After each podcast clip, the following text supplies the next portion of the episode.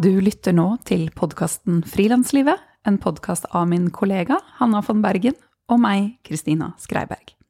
Vårt mål med denne podkasten er å være en faglig og inspirerende kanal for alle dere som jobber for dere selv i medie-, kunst- og kulturbransjen.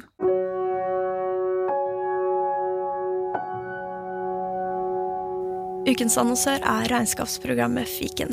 Jeg har brukt fiken i mange år nå, lenge før denne podkasten. Og grunnen til at jeg liker fiken, er at jeg kan eh, gå inn i nettleseren og så logge meg på, og så kan jeg trykke 'jeg har solgt noe' eller 'jeg har kjøpt noe'. Jeg kan også skanne kvitteringer med en app som sender de direkte inn i programmet, og hjelper meg med hvordan jeg skal utgiftsføre det, hvilke konto jeg skal skrive det på. Det er enkelt, og det er deilig. Så takk, fiken.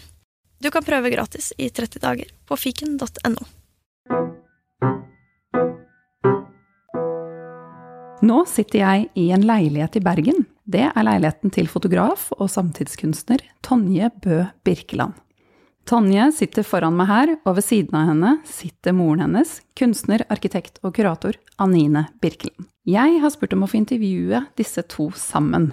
Ikke bare fordi begge er kunstnere, men fordi de involverer seg mye i hverandres prosjekter og har jobbet mye sammen. Anine, som er 65 år gammel, har i ti år ledet Bergen Kjøtt, et populært kulturhus i Bergen hvor mer enn 300 musikere og kunstnere har hatt sin arbeidsplass, og hvor Anine gikk under kallenavnet Dronningen. Bergen Kjøtt kjempet hun for i flere år, og for å bevare det har hun vært gjennom mer enn 30 rettssaker. Det skal vi komme tilbake til. Tonje, som er 34 år gammel, er utdannet ved Kunst- og designskolen i Bergen, og hun begynte for over ti år siden med kunstprosjektet The Characters. Hun har reist til steder som Grønland, hun har reist til Gobi-ørkenen i Mongolia og til Bhutan, for å nevne noen steder. Der har hun fotografert seg selv i naturlandskap for å iscenesette seg selv som fiktive, kvinnelige oppdagelsesreisende. Bildene har blitt utstilt i Skandinavia, i flere land i Europa og i USA. Tonje har jobbet med moren sin med Bergen Kjøtt, og Anine har blitt med Tonje på fjellturer som assistent. De har et tett koblet liv og kunstnerliv og ses flere ganger i uka. Hei! Hei. Så hyggelig å få sitte her, i denne leiligheten. Ja, rundt et eh, sånn stuebord. Det er veldig koselig å ha deg her. Takk for at du kom. Det her er første gang jeg intervjuer mor og datter sammen. Og det er egentlig første gang vi har to stykker, eh, i, som, ja, to stykker som gjester i podkasten. Så vi har bare én mikrofon som dere skal dele på i dag. Så dere lyttere, kanskje dere merker det, at de liksom lener seg litt sånn frem og tilbake for å eh, kjempe for plassen. Men eh, da vet dere det. Anine, jeg tenkte vi skulle begynne med deg.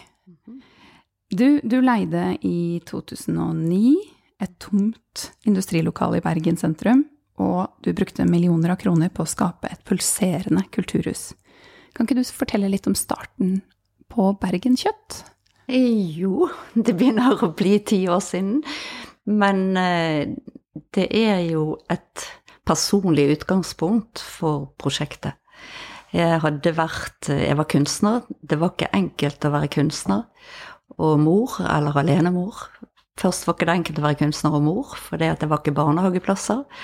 Og så etter hvert så var det rett og slett ikke enkelt å leve av å være kunstner, og det ønsket jeg. Så hadde jeg arbeidet med et internasjonalt prosjekt fra 2003 til 2007-2008 og besøkt mange kunstnere, mange kunstnerfellesskap i Berlin, i New York, i Reykjavik spesielt. Og opplevd veldig mange forskjellige kunstfabrikker og kunstmiljøer rundt omkring. Så jeg var inspirert til å starte noe større da jeg kom tilbake til Bergen, enn det jeg hadde drevet tidligere. Allerede i 94, da jeg hadde tatt min master i kunst, så bygget vi opp et eh, fellesskap eh, med kunstnere og musikere dette fellesskapet begynte å bli ganske trangt og lite, og folk hadde begynt å flytte fra byen, litt sånn som jeg, som bodde halvveis vekke i mange år. Og vi hadde liksom lyst til å starte noe nytt. Så er det veldig få gamle fabrikker igjen i Bergen, i hvert fall sentrumsnære fabrikker. Det er veldig mye rives og gjøres om til leiligheter langs hele sjøsiden.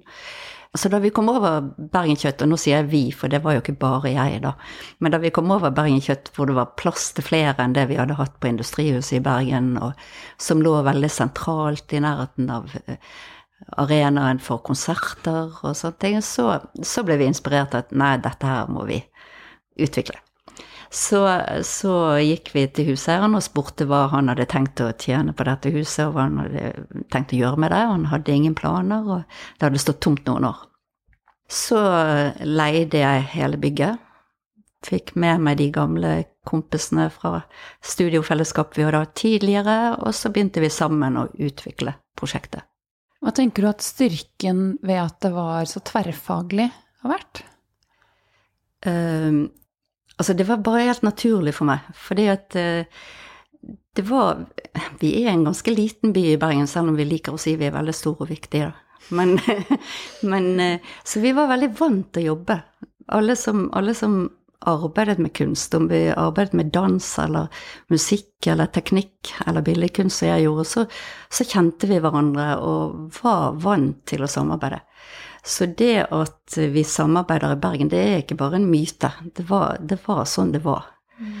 Og, og der, er, der, var jo noen rene kunstnerfellesskap, studiofellesskap for kunstnere, men det var ikke noe sånn felles miljø, i hvert fall ikke i 94, da vi startet på Industrihuset, det første fellesmiljøet vi startet. Det var også litt fordi jeg rett og slett syns det er litt kjedelig med bare billedkunstnere. Så det var rett og slett bedre å jobbe sammen tverrfaglig. Om deg så har jeg lest at du er en person som stadig utfordrer kunst- og kulturscenen i Bergen, og at målet med Bergen Kjøtt var bl.a. å gjøre det lettere for neste generasjon å være kunstnere. Stemmer det? Jeg har jo alltid blitt beskyldt for å ha en pedagogisk side, og det har jeg kanskje. og, og, også det at ja, som jeg sa i sted, at jeg kanskje lett kjeder meg litt. Sånn at og jeg syns det er så utrolig spennende å arbeide med kunst. Jeg syns det er så spennende liv. Og det er så Jeg blir litt lei av å forsøke å forklare det til folk. Så jeg hadde lyst til å lage et sted der alle mulige mennesker hadde lyst til å komme og være og arbeide og se hva vi gjorde. Så vi hadde jo hele tiden en visningsscene hvor vi har blandet med kunst og musikk. Og jeg hadde rett og slett lyst til å gi den neste generasjonen et litt enklere kunstnerliv enn det jeg føler jeg selv har hatt.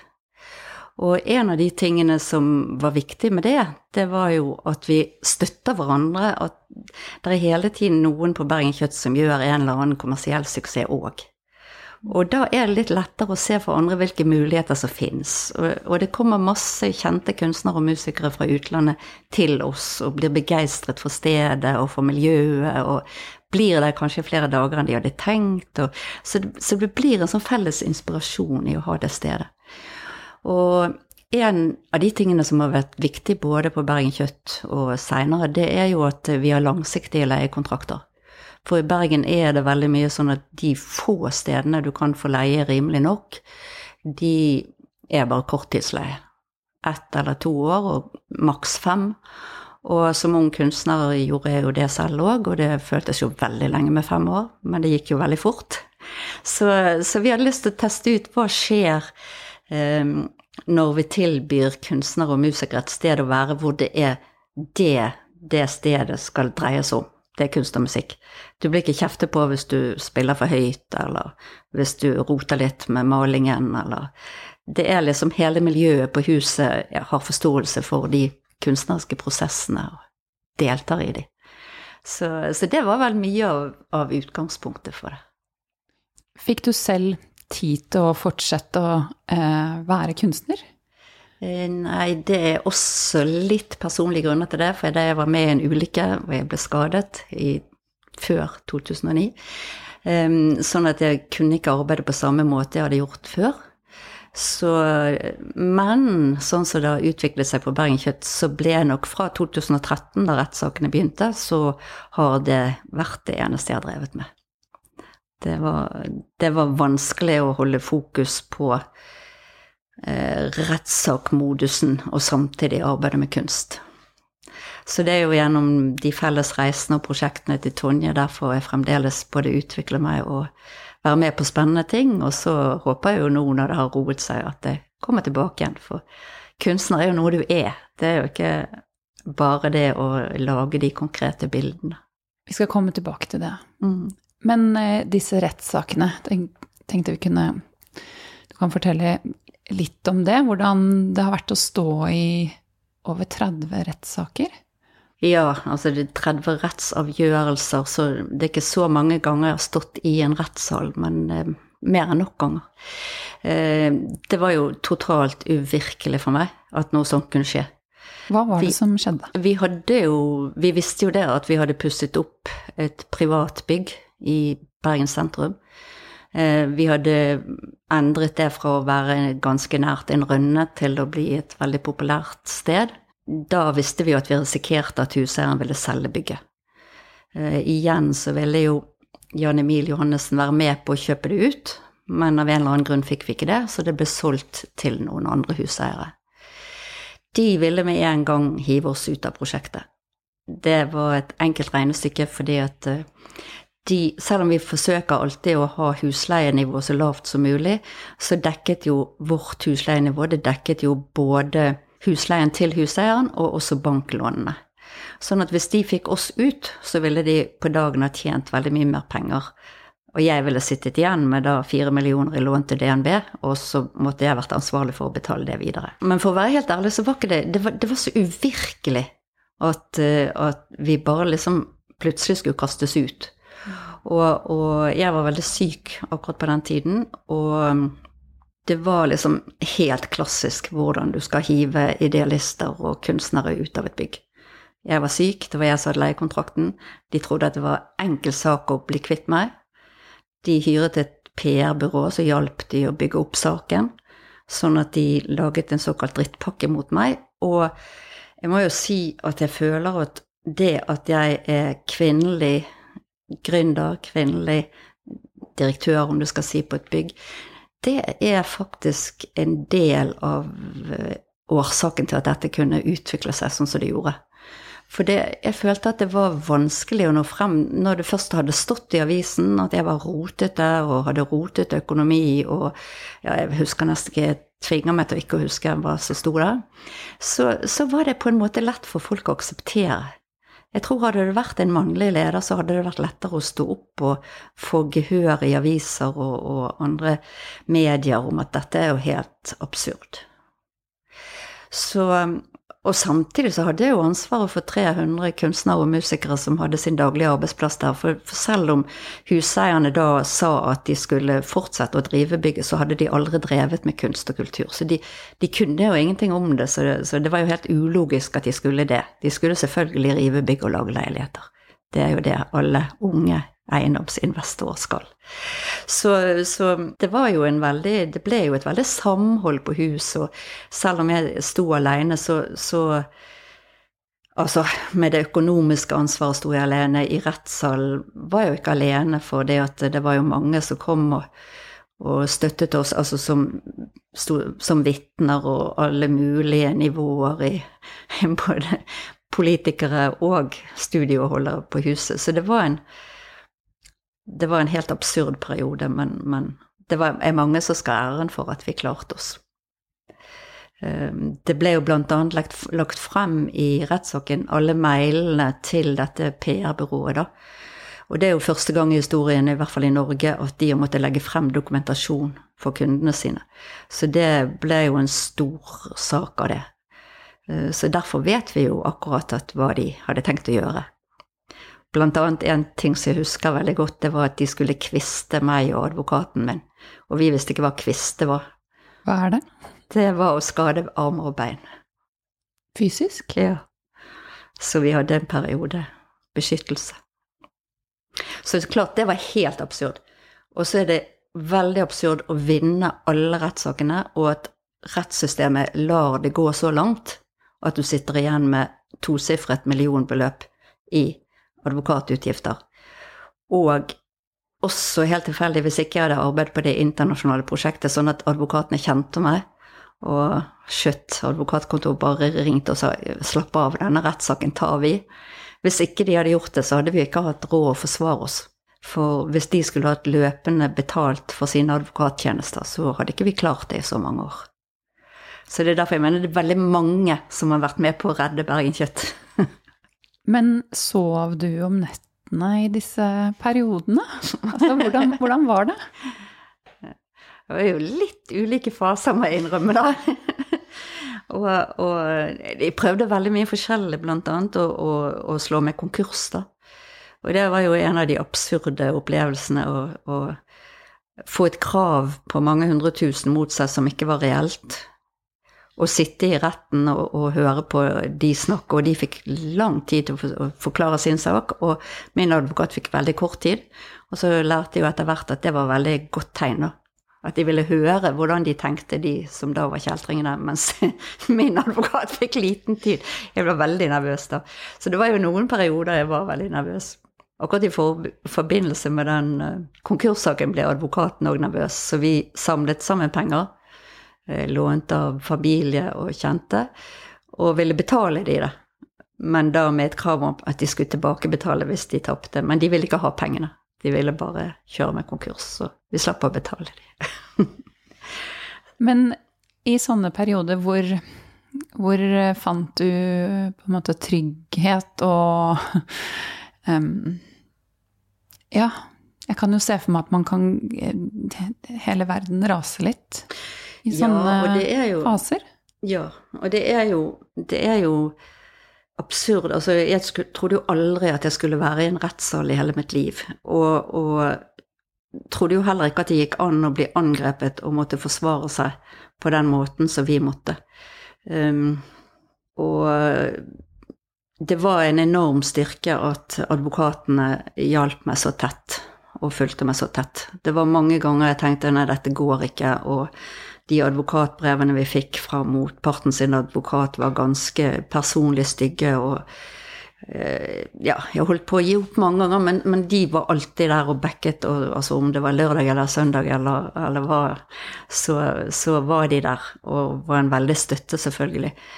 Fordi at de tok tingene ned til det saklige, og leverte et saklig svar på noe som, jeg ikke, som, jeg, som bare ble følelser for meg. Så, så, akkurat der og da var det veldig viktig. Det andre som er veldig viktig, er jo at jeg har en veldig trygghet i familie og venner, og, og selvfølgelig miljøet på Bergen Kjøtt som, som, kjenner meg, og som jeg hele tiden kunne stole på at de vet jo hva som foregår. Selv om jeg kunne ikke involvere miljøet på Bergen Kjøtt i detaljene. For da ville jo de kanskje bli livredd for å ha studioene sine der. Så overfor de måtte jeg forsøke å virke veldig trygg og rolig, og ikke la de få høre alle detaljene. Dronningen. ja, kanskje. Men også er det veldig viktig for meg å være ute og gå tur, så det ble jo det ble jo ertet litt for her i Bergen, da, for jeg går jo på de samme fjellene. Og forsøker å si at ja, ja, men lyset forandrer seg hver dag, og fjellet er aldri det samme. Men, så det er nok mange som har lurt på hvorfor jeg går så mye alene på tur.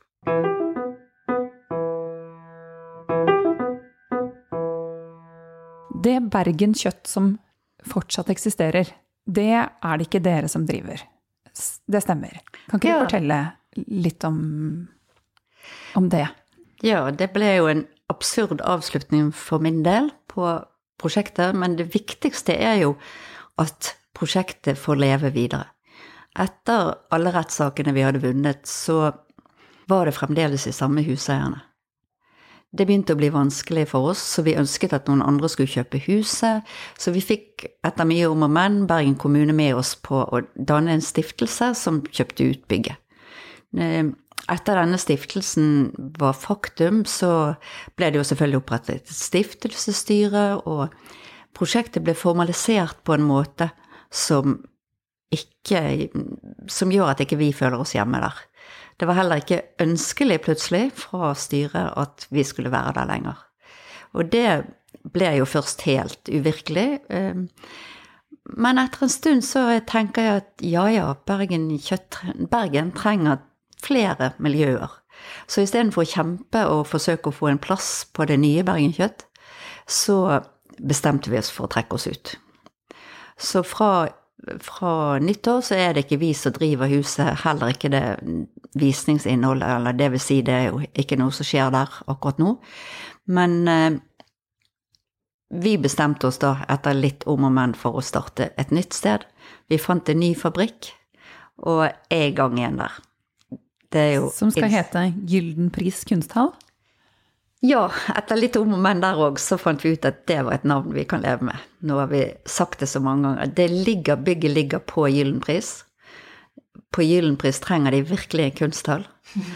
Det er et område hvor eh, det er veldig få møteplasser her.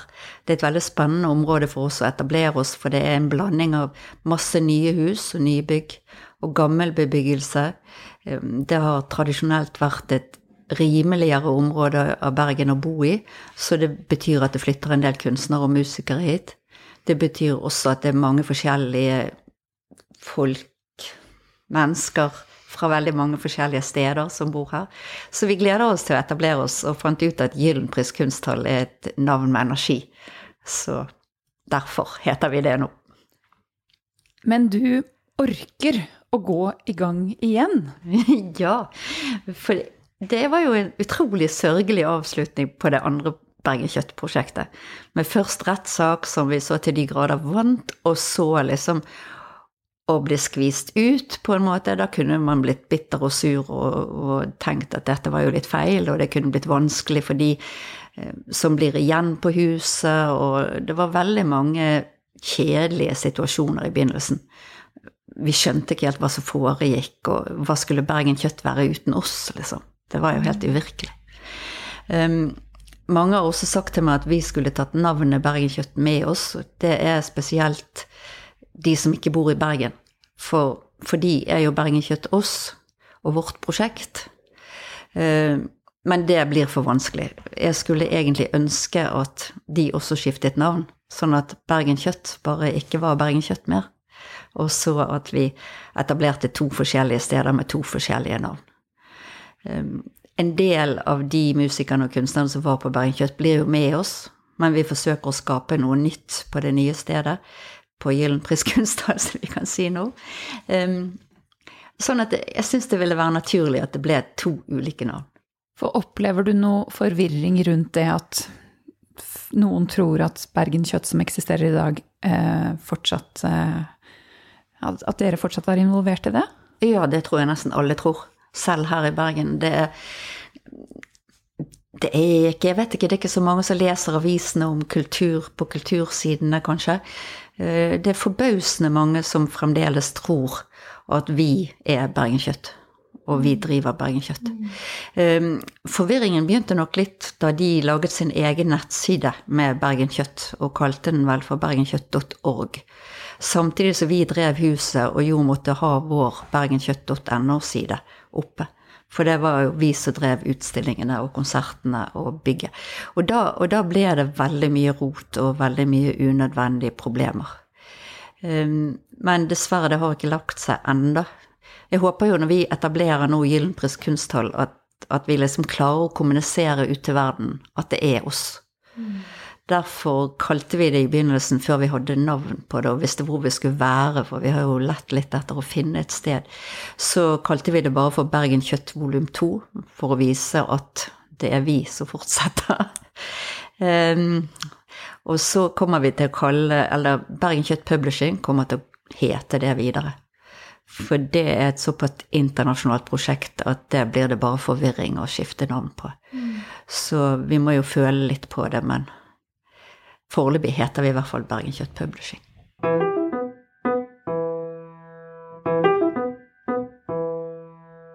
Er det noe man kan lære av det du har vært gjennom? Um, eller er det noe man kan gjøre for å sikre seg mot sånne situasjoner? Hvis man starter egne kunstner, kunstnerdrevne initiativer?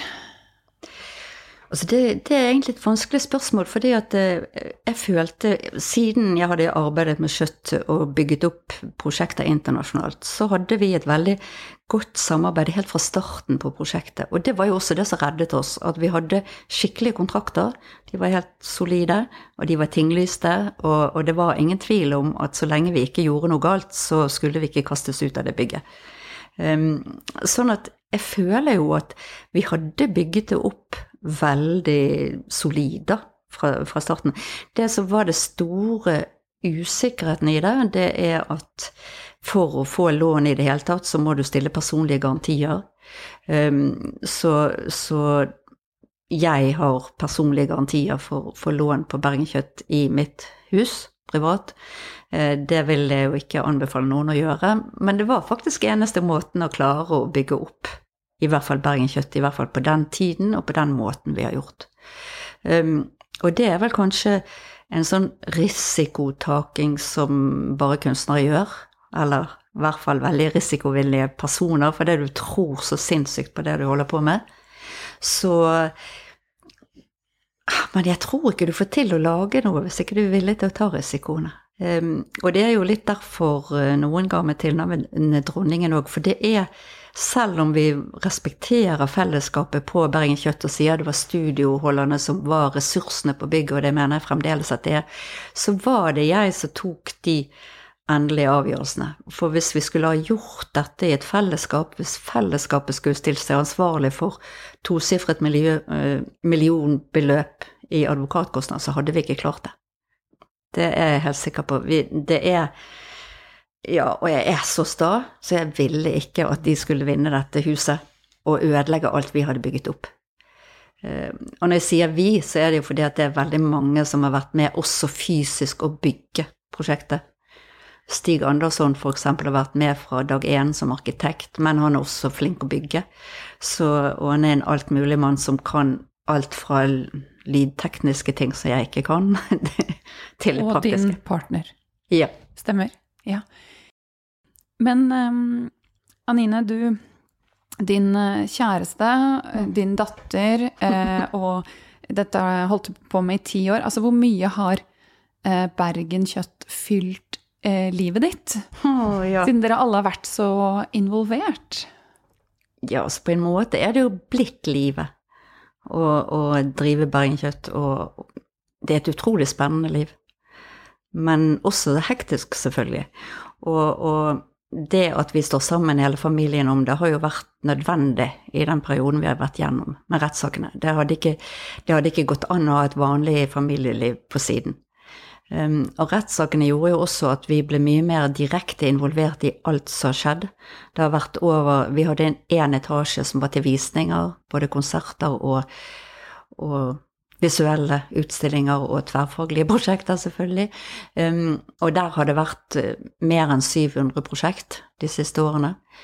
Um, og det vil si at vi har vært veldig mye på jobb og veldig lite med familie, annen familie i helger og eller på skiferier og sånne ting. Vi, vi har, mye av livet vårt har dreid seg om det. Men det vil jo igjen si at vi har møtt utrolig mange spennende mennesker og hatt det veldig spennende. Og da, da blir jo det en, en, livsform og en livsstil um, uten at du egentlig helt tenker over at det skulle bli det.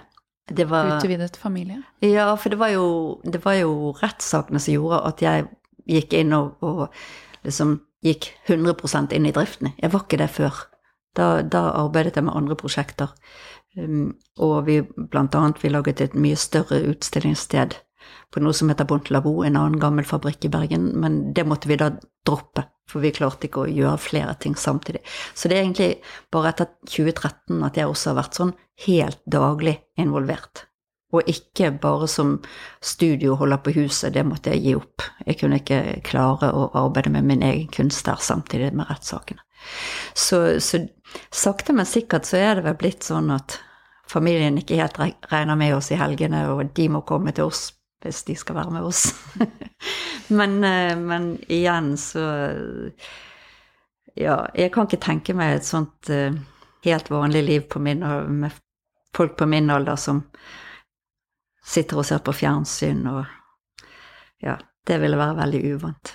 uvant tanke. Så det er vel riktig å si at det har preget utviklingen av livet vårt 100% Tonje, du har jo også vært involvert her. Eh, bare kort, på hvilken måte? Altså da, da eh, min mor startet Bergen Kjøtt, og egentlig de to veldig to-tre første årene, så var ikke jeg så involvert. fordi at først så gikk jeg ut av eh, den gang kunst- og designhøgskolen, nå KMD, tok master der. Eh, og så dro jeg et år til New York. Jeg fikk et eh, stipend fra Hasselblad-stiftelsen for et av prosjektene mine, og reiste da og hadde studio på ISCP i seks måneder, men endte med å bli i byen et år, da. Så det var jo eh, på en måte litt bra, tror jeg. For da, jeg, da, fikk de liksom starte det drømmeprosjektet som de ville, og så holdt jeg på med min kunstneriske praksis. Men så var det jo godt å vite at jeg hadde et spennende miljø som jeg visste at jeg ville bli en del av når jeg kom tilbake til Bergen. Så, um, så sånn sett så har jeg vært mer involvert egentlig eh, sånn i de siste to årene. Fordi at jeg har gått mer inn og vært en del av det kuratoriske programmet vi har hatt, og vært veldig involvert i Bergen Kjøtt Publishing hele veien. Det startet egentlig med at jeg ville gi ut min bok The Characters, men så hadde jeg lyst Vi hadde snakket så mye om at vi hadde lyst til å lage publikasjoner på Bergen Kjøtt. Og det hadde jeg snakket mye med musikere på huset om også. De ville lage plater i begrenset opplag som kanskje var litt dyre å produsere og sånne ting. Og da var det en veldig fin mulighet for meg å slippe å enten måtte selge ideen min til et, eh, til et forlag, eller gi den ut helt på eget forlag, men kunne på en måte være med å skape en plattform som kunne gi muligheten for andre kunstnere seinere, Det beste av begge verdener, egentlig? Ja, rett og slett. Ja. Jeg må bare si en liten ting i forhold til det med Tonje sin deltakelse i prosjektene. For det er klart, som alenemor Tonje var med på alle prosjektene vi laget, ikke alle i utlandet. Ikke da vi reiste Arabia og sånn, da måtte hun være hos eh, en barnevakt eller hos noen andre, jeg husker ikke helt hvem. Men, men uansett så, så var hun med på veldig mye. Og jeg husker en gang Dagbladet skulle intervjue meg om noe, og Tonje sto og ramset opp. Ja, så har jeg sovet i garderoben til Egil Skøyen, og så har jeg sovet i rulletrappen på Flesland, og så har jeg sovet der. Og da tenkte jeg oi, barnevern neste, nå må vi stoppe henne. så du har jo på en måte vært med i oppbyggingen til Bergen Kjøtt, og i den måten å leve som kunstner på fra du var veldig liten. Mm.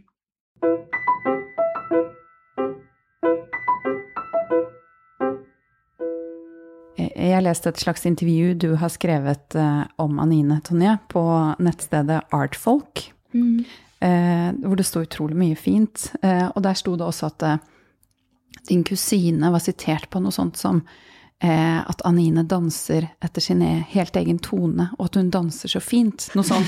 ja. Så det virker jo som familien håndterer det, da. Ja da. Ja. ja da. Og vi er flere kunstnere i familien.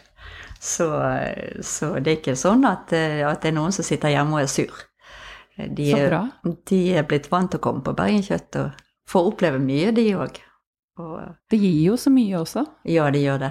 Det, det er veldig Og, og det, som, det, som, jeg syns er trist nå, som er en trist utvikling, det er at jeg føler jeg må forsvare så mye mer hvor mye kunst gir. Det er blitt så, det er blitt så vanlig å snakke ned kunsten. Kunstnere som får tilskudd til spennende prosjekt begynner folk å uttale seg om etter Fordi de har sett noen andre uttale seg negativt i avisen eller på Facebook, så bare blander de seg inn og har ikke peiling på hva det egentlig handler om, men det blir en sånn klisjé på hva som er samtidskunst, og hvor utrolig negativt det er, og hvor utrolig mye mer vi har bruk for eh, ja, sykehjemsplasser og skoleplasser og barnehager, som vi også har bruk for. Men det er blitt et sånn motsetning i det som jeg syns er trist. Så, så, jeg har jo fremdeles lyst til å, å, vise folk at det er spennende med kunst. Uh, og ja, vi har så mange fine, rare opplevelser. så jeg håper vi får fortsette med det.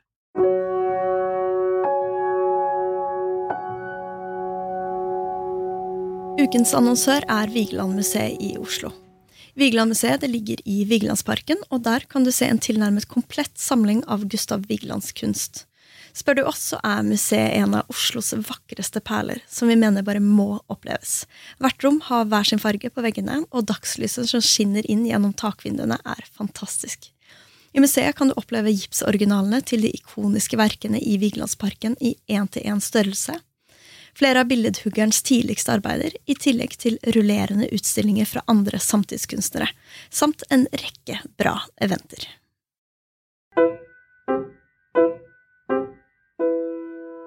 Jeg vil veldig gjerne snakke mer om det å jobbe sammen, eh, for det har dere jo gjort så mye av, og reist sammen, ikke minst. Eh, men først skal, vil jeg snakke litt med deg, Tonje. Du har siden 2008 jobbet med det fantastiske eh, fotoprosjektet The Characters, der du beveger deg på grensen mellom fiksjon og virkelighet.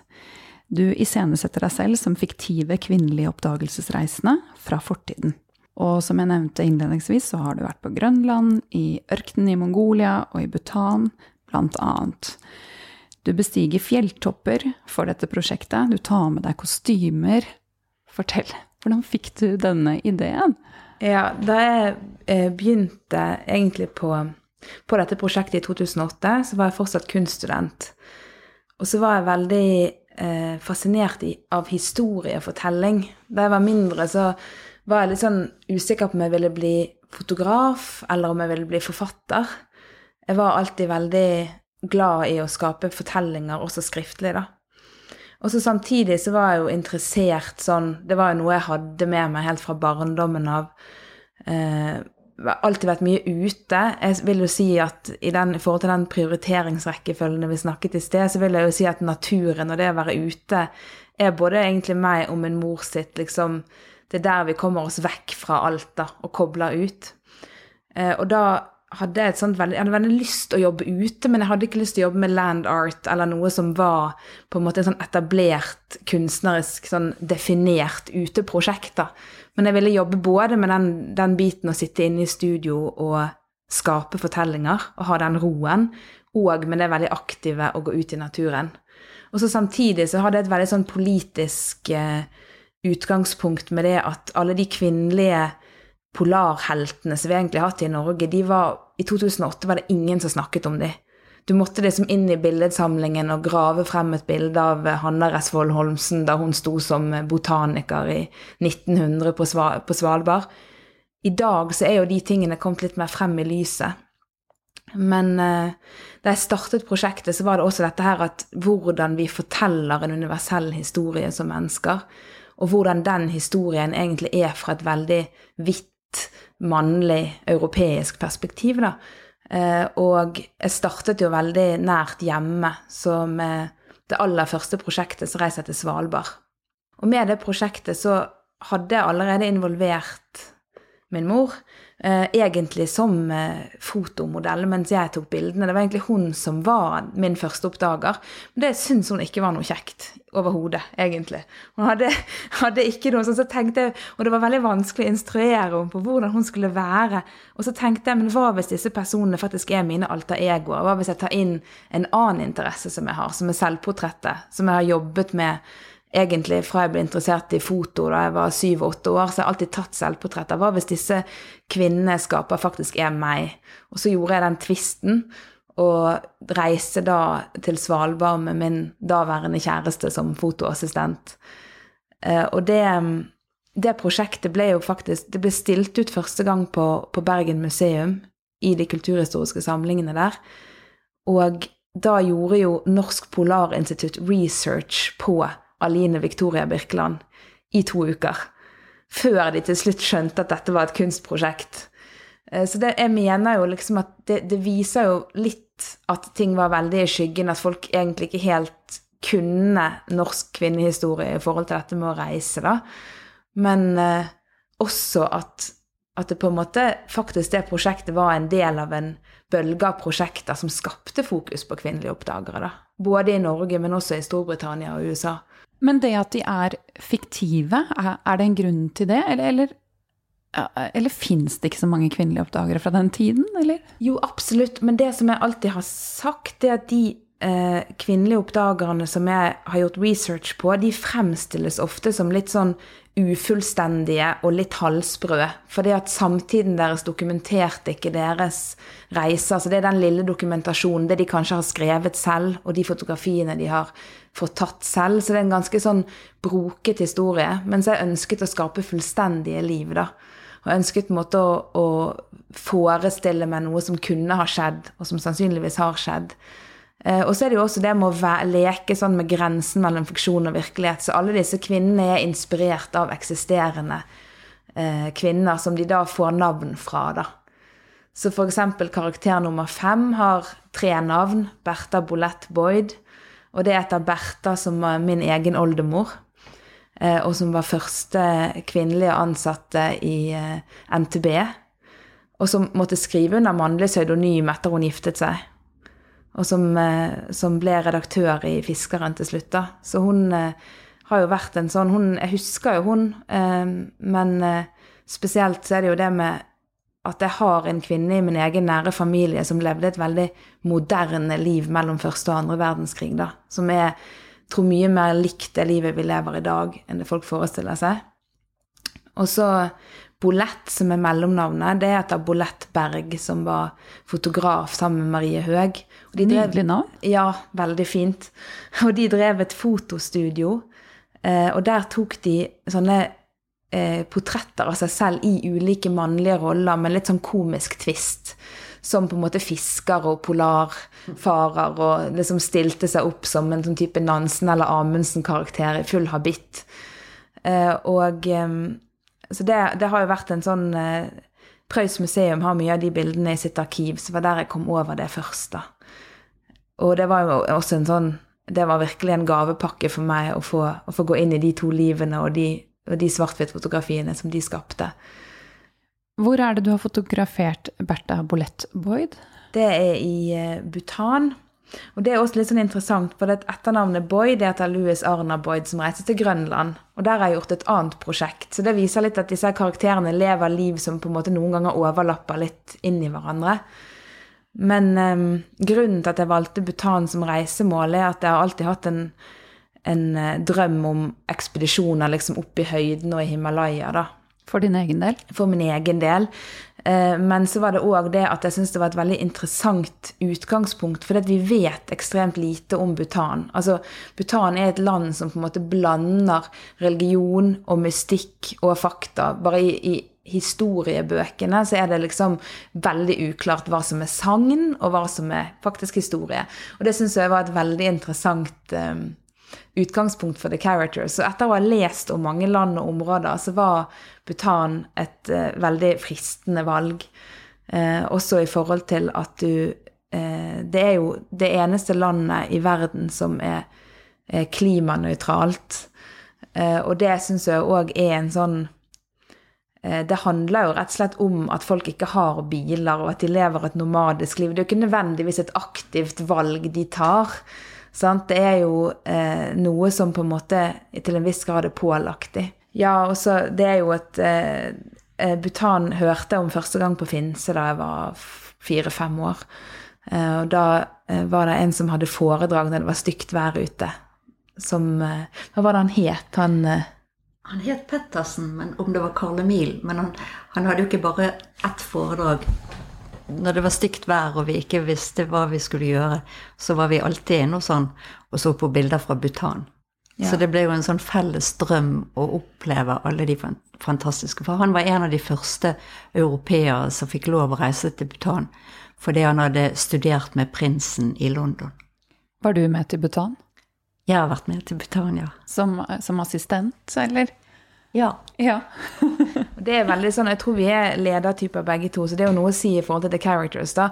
Det tror folk på en måte i på, på, tidligere Bergen Kjøtt og nå Gyllenpris Kunsthall, sånn, så jobber jeg helt klart under min mor. Sant? Hun initierer store prosjekter. Jeg tar med av små biter av de, eller små egne prosjekter. Med The Characters så styrer jeg alt ned til minste detalj. Og jeg vet ikke om så veldig mange mødre hadde funnet seg i det, hvis ikke det var det at de rollene byttes om, da. Altså, det er veldig definert egentlig hvem som gjør hvilke prosjekter, men samtidig får vi jo forme hverandres prosjekter. Altså det at vi kan være på de turene sammen. At måtte, den moren som har oppdratt meg til å holde ut ute, kan være med meg og sove i telt i 14 dager. Sant? Jeg tror det er ganske få andre som hadde orket, egentlig. Å bli med deg? Å bli med, ja, ja, ja. For det, er jo, det høres jo så flott ut sant? å være på telttur i Bhutan, men på tiende dagen uten vann til å vaske håret og med liksom eh, samme meny og hestemøkk overalt, så er du på en måte litt lei. Når du da i tillegg befinner deg 5000 meter over havet og høyere enn noe, eh, noe fjell i, i, de europeiske alper, sant? så er det jo er det jo først og fremst tøft. da. Og det å klare å faktisk skape kunst og sitte om kvelden og diskutere bilder og på en måte være faglig i sånne omgivelser, det er veldig annerledes enn å bare være på tur i sånne omgivelser. For det har vi jo egentlig begge to erfaring med, å bare være ute på tur. Men etter jeg startet til Characters, så føler jeg litt at nei, hvis jeg først skal liksom utsette meg for alle de tingene der, så skal det være for kunsten, altså. Jeg, ikke, jeg har ikke så, så lyst til å sove i telt bare for å ha gjort det som jeg kanskje hadde før. Så er det en interessant ting som jeg bare har lyst For det, på disse turene, da, så er det jo Vi har jo snudd nå. Da Tonje var liten, var det jeg som tok henne med på tur og var støttekontakten på, i alle ledd og hadde med litt ekstra mat og litt ekstra kos for at det skulle være spennende å være på tur, selv om det blåste og snødde og var tøft på Finse. Så nå er jo det snudd, da. For nå er det Tonje som er den sterkeste, når vi er over 5000 meter høyde. Så nå er det Tonje som har med alle de små remediene og alle de små én karamell hver dag. Trøstene. Så det er òg en morsom opplevelse at vi Ja, at det er du som må, som må ta vare på meg og være den mest profesjonelle, rett og slett fordi at mine krefter eh, går fortere ut. Hvordan er det som mor å la seg bli tatt vare på av datteren sin? Mm. Jeg, jeg tror ikke vi tenker Eller ledet? Ja, jeg tror ikke vi tenker så mye på at vi er mor og datter når vi er i de prosjektene og i de sammenhengene. Da bare er vi på jobb sammen. Og da er det så tydelig at disse, disse turene, planleggingen av de turene, er det jo Tonje som gjør i detalj. Jeg får jo bare luksusen å, å være med på de og forberede det jeg trenger å gjøre. Um, Sånn at det er så tydelig at dette er Tonje sitt prosjekt, og jeg er heldig som får være med. Og jeg, er jo, jeg arbeider med fotografier selv, og jeg har vært, hatt lyst til å reise på disse ekspedisjonene fra jeg selv var ung. Så jeg er jo utrolig heldig som kan være med på de og kan gjøre jobben, og fremdeles kan klare å klatre så høyt og liker å slite meg ut og liker å være ute så mye som det krever. Så der og da tror jeg helt ærlig at jeg må si at jeg tenker ikke over at det er mor-datter-forhold. Det er bare noe vi har utviklet. Jeg tror faktisk uten Jeg tror det er riktig så Tonje Det er ikke så mange som kunne vært med på de turene.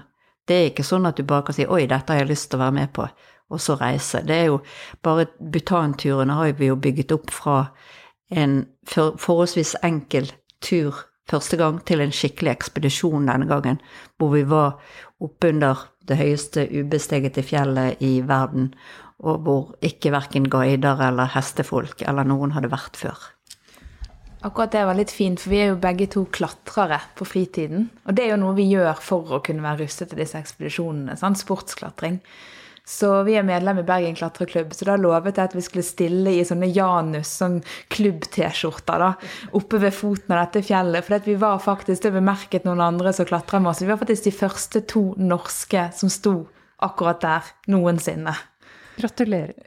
jo, takk. Men det visste vi egentlig ikke helt om vi var. sant? Det er noe med det. Det kan jo hende at det var noen der i 1930. sant? Ja, dere er jo hva, hva kaller man eks, Dere er ekspeditører? Nei, hva heter det? Dere er eks, uh, explorers? Explorers, ja. Oppdagelsesreisende. Oppdagelsesreisende. Mm. Mm. Men en ting som jeg syns er morsomt, da, det er, er to ting i forhold til det å reise sånn og planlegge det for meg som er fascinerende. Det ene er det at siden min mor, siden Anine er så utrolig travel med sine prosjekter til vanlig, så har ikke hun tid å gjøre den samme researchen som jeg har. Så hun bare er med. Så da vi var i Mongolia, i Godbjørken, i 2011, som en av de første lange turene vi hadde sammen, da eh, er der egentlig bare helt flatt.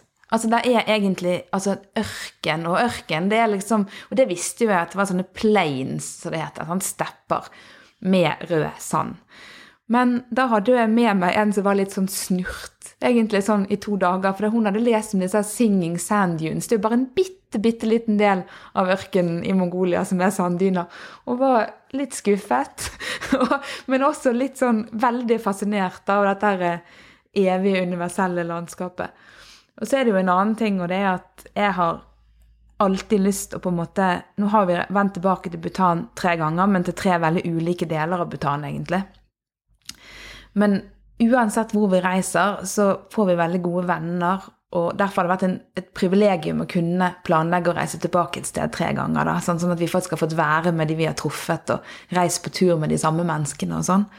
Men uansett hvor, og det tror jeg kanskje handler om at alt annet har vært så ustabilt, for uansett hvor vi har vært, så vil min mor helst alltid tilbake til det akkurat samme stedet. Gjerne samme hotellet og, og, fly den samme ruten for å komme dit. Og det tror jeg handler om at for meg så er liksom det eventyret, og så er det mye egentlig ro og stabilitet når jeg jobber med The Characters.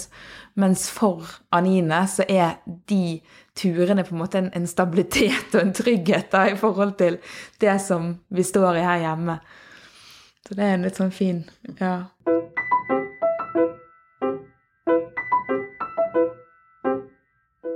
Men Tonje, når du tar fatt på en ny kvinne, hvordan går du til verks? For du, du bygger jo en karakter mm. med masse historie. Altså, ja. Altså, det er litt forskjellig hver gang. Jeg tror mange tror at jeg har en, en helt lik arbeidsmetode i forhold til research og oppbygging hver gang. Men for meg er det jo liksom hver av disse kvinnene et nytt prosjekt.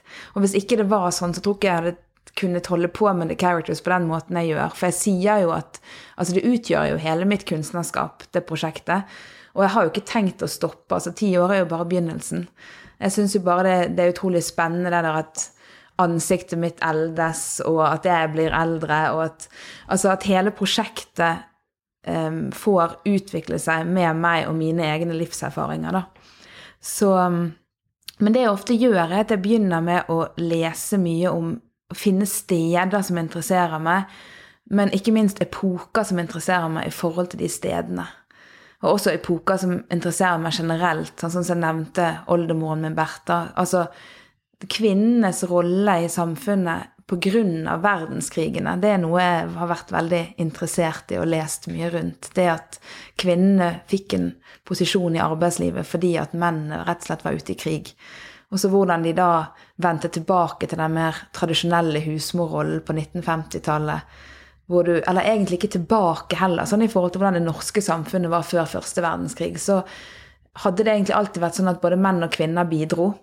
Og så plutselig skulle det være sånn at kvinner skulle gå og stelle hjemme. Og det er jo egentlig en amerikansk stereotyp som vi på en måte har innfunnet oss med. da.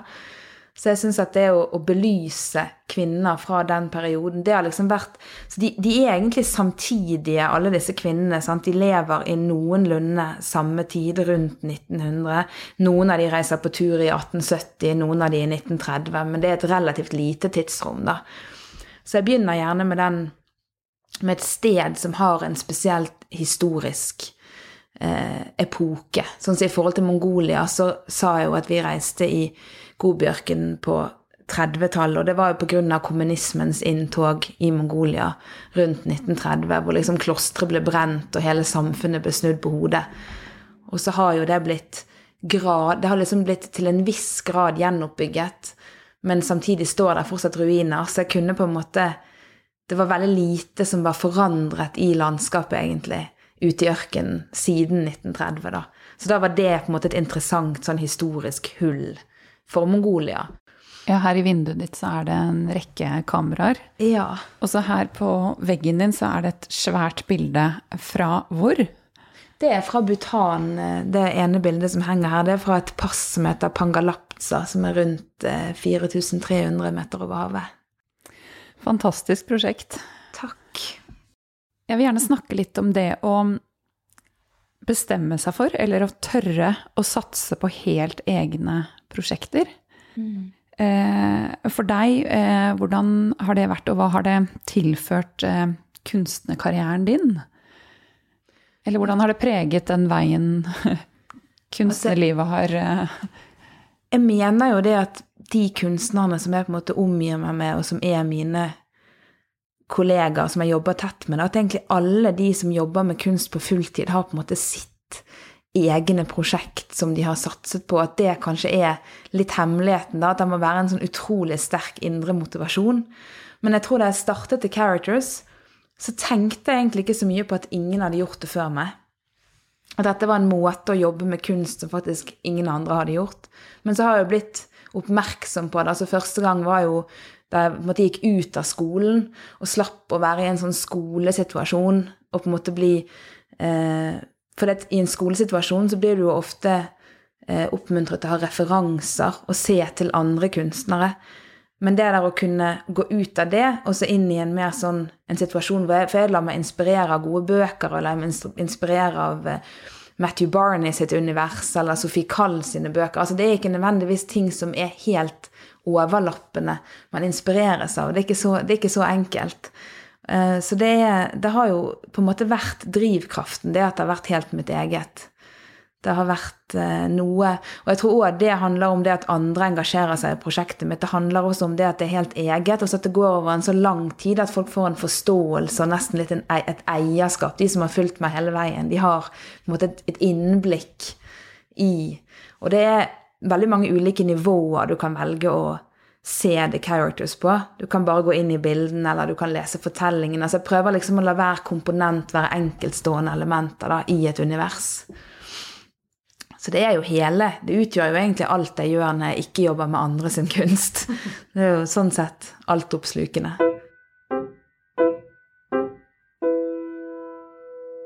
For Anine, du har tatt med Tonje ut helt fra hun var liten. Ja. Jeg arbeidet med min kunst ute selv òg. Så jeg arbeidet med filmer og, og foto uh, ute i landskap. Mye basert ut fra Finse, for vi hadde en leilighet der oppe. Tror, men, men, selve det å, å, være ute hele tiden i all slags vær, det, det, tror jeg er noe du må like. Og, og, nå er det jo Tonje som pusher meg. Det bildet som er tatt på Pangalapza, denne, dette siste kapitlet om Bertha Bolett Boyd i Bhutan, det skal stoppe foran Ganka Punsum, som er på en måte verdens eh, høyeste ubestegete fjell. Det er nesten like høyt som Mount Everest, og det er aldri noen som har stått på det fjellet. Så bestemte vi oss på en måte for at prosjektet avsluttes med at hun står der foran det fjellet. Og det viser liksom pågangsmotet til begge oss to, for da dro jeg mamma ut av teltet, fant frem kamera og sånn klokken halv seks om morgenen for jeg skulle ha det lyset. Og så var hun ganske dårlig akkurat den morgenen. Så var sånn Ja, men det er jo akkurat makelys om en time. Og så sa jeg nei, det er det ikke, liksom. Nå må du gi deg, nå må vi ta dette bildet. Og så klarte vi på en måte å få det ene bildet vi ville, og så tror jeg omtrent ingen av oss tok et turistbilde en gang før vi var nede. Og det har vi jo tenkt mye på, for vi måtte jo da, siden stien hadde rast ut, så måtte vi jo klatre over en sånn vanvittig, nesten fjellvegg, eh, hvor alle de vi hadde med oss, var mye reddere enn oss, og hvor hestene rett og slett måtte snu og gå samme løype tilbake igjen. da. Vi gikk en 200 km rundtur, og eneste måten å få de hestene hjem, var å si ha det til to av de vi var på tur med, og de måtte gå en uke til på en måte, for å komme hjem, da. Så eh, det var jo utrolig tøft på mange måter, men eh, da tenkte vi jo litt på det at her kunne vi jo sikkert Vi kunne jo tatt noen ganske kule sånne behind the scenes-bilder og at vi kløv over der hvor stien hadde rast, og at to av de vi hadde med oss, bar bagene våre og vadet gjennom eh, elven. Og så fortalte de meg som et lite apropos at ingen av de kunne svømme etterpå, liksom. Eh, og der hadde de hatt ansvar for alle filmrullene, begge kameraene og det meste vi hadde med oss, egentlig hele kunstprosjektet lå i en bag som egentlig bare kunne blitt med ned elven da, med to stykker som ikke kunne svømme. Som da var en langt større bekymring for oss selvfølgelig enn utstyret. Men en annen ting som jeg merker veldig godt, er at vi er veldig sånn målrettet. Eh, vi vet hva vi skal, og hva vi skal ta bilder av. Så når jeg kommer hjem og forsøker å beskrive vegetasjonen og, og skogen som er helt opp til 4000 meter og sånt, så har jeg jo ikke tatt et eneste bilde av det. For det var jo ikke det vi skulle der. Vi skulle jo vise Bertha Bolett Boyd hva hun gjorde. Så vi er helt mm. fokusert på det, og glemmer alle de tingene som vi godt kunne tatt med oss underveis. Og derfor har jeg lyst til å reise tilbake igjen. altså, Til nå så har liksom The Characters vært sånn cirka Det har gjerne vært én hovedreise, og så har det vært ca. to års arbeid. Mens Bertha har nå vært fire år og er fortsatt i prosess. Så det er et veldig mye mer omfattende prosjekt som jeg håper å kunne fortsette. Så nå er det liksom en av disse karakterene som faktisk blir eldre med meg også, da. Og tiden går. Tusen takk, dere. Takk for at du fikk komme. Ja, takk for at du fikk komme.